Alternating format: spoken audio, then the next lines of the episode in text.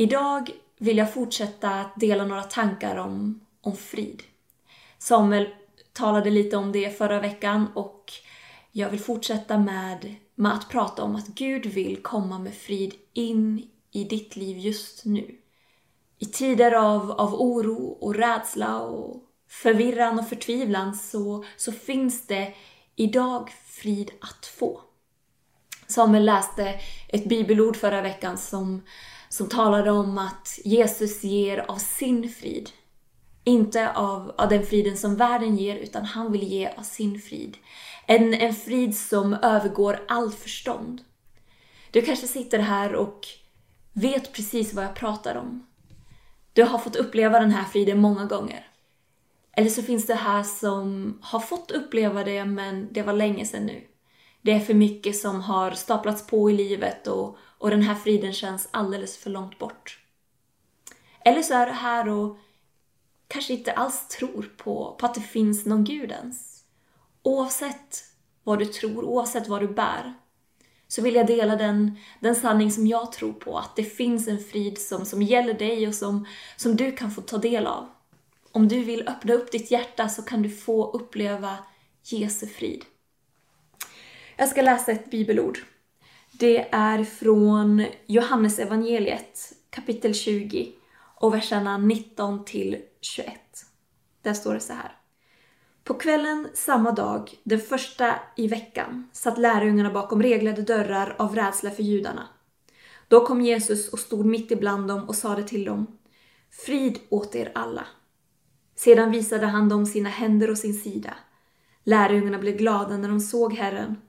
Jesus sa till dem igen Frid åt er alla. Som Fadern har sänt mig sänder jag er. Jesus hade innan fängslats han hade misshandlats och dödats. Nu får vi läsa om att han har återuppstått, men det vet inte alla än. Hans vänner var, var också rädda. Kommer de också dödas nu? Det, de visste inte vad som, vad, vad som skulle hända dem nu. Och de låste in sig av rädsla. Men så kommer Jesus och han står där helt plötsligt mitt ibland dem och säger frid åt er alla. Jesus kom för att möta dem, mitt i deras oro. Bakom, de satt där bakom låsta dörrar och väggar, men inget stoppade honom. De där låsta dörrarna stoppade inte Jesus från att komma med, med sin frid till dem.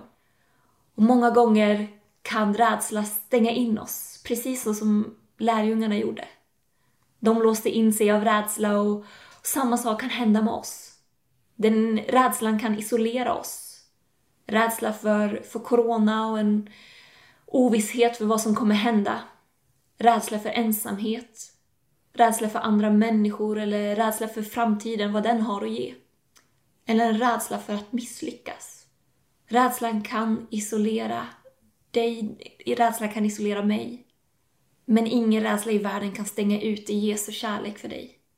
Inga omständigheter, inga väggar, inga låsta dörrar är för stora eller för, för tjocka för att Jesu frid ska kunna få komma in. Han kan möta dig, hur svåra om, dina omständigheter än må vara. Mitt i din oro, mitt i ditt mörker, så, han, så kan han komma med sitt ljus och få lysa upp det mörkret. Hur djup vår rädsla än kan vara så når Jesus alltid fram. Och borde inte lärjungarna egentligen, de som har följt honom i, i tre år, sett vem han är och vad han kan göra, borde inte de vara lugna? Men rädsla kan förändra våra, våra perspektiv, de kan minska dem. Men det första Jesus säger är inte att påpeka det, att, att, att de misslyckats eller att de är rädda, utan det första han säger, det är frid var med er. Frid åt er alla. Han mötte dem med frid. Ibland är det okej okay att vara rädd. Men vad gör vi med vår rädsla? Lärjungarna i, i berättelsen fick en frid. Omständigheterna runt omkring dem förändrades inte. De kanske fortfarande, det kanske fortfarande fanns en människor som ville döda dem. Men friden kommer inte från, från, från att omständigheterna runt oss förändras. Friden kommer från, att, från Jesu närvaro. Niklas Pedro, en, en pastor, eh, har skrivit en bok som heter Frid i själen. Och han, han skriver så här att jag kan få frid, inte för att allt är under kontroll, inte för att, att omständigheterna förändras och allt är under kontroll, utan för att jag är i goda händer. Frid är inte att du ska få fram något som du ska få fram själv. Frid är ingenting som, som vi ska liksom med hjälp av olika tekniker, olika metoder få, få klämma fram på något sätt, utan frid är en gåva från Gud. Och nu går vi mot, mot juletider då vi firar att Jesus kom till oss, att han föddes. Och han, han föddes mitt i en tid där ja, det var väldigt svåra omständigheter. Det var maktkamp. Romarna försökte styra landet. Han föddes i mitt i ett smutsigt stall, bland hö och djur. Men han kom med frid. Även här kan vi se att det är inte de yttre omständigheterna som, som, som friden kommer ur, utan det är genom Jesu närvaro. Hur mörkt och hur hopplöst det än kan kännas, så är det inte mörkt för Gud. Hans ljus lyser i vilket mörker som helst. Han kan besegra all mörker. Och han vill vara ditt ljus. Han vill inte att du ska vara kvar i mörkret utan han vill ta dig till ljuset. Och han vill komma med sin frid in i ditt liv idag. Vi ber tillsammans. Herre, tack för den du är. Tack för att du valde att komma med frid in i våra liv, Herre.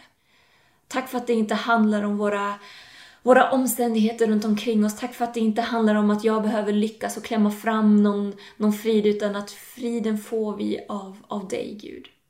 I mötet med dig, att du får komma in i, i rummet, Herre, så kan vi få uppleva den, den sanna friden, den riktiga friden. Herre, du ser var och en vad vi bär på. Du ser alla som, som lyssnar och kollar på det här. Herre, jag ber att du ska komma med din frid in i, i var och ens liv.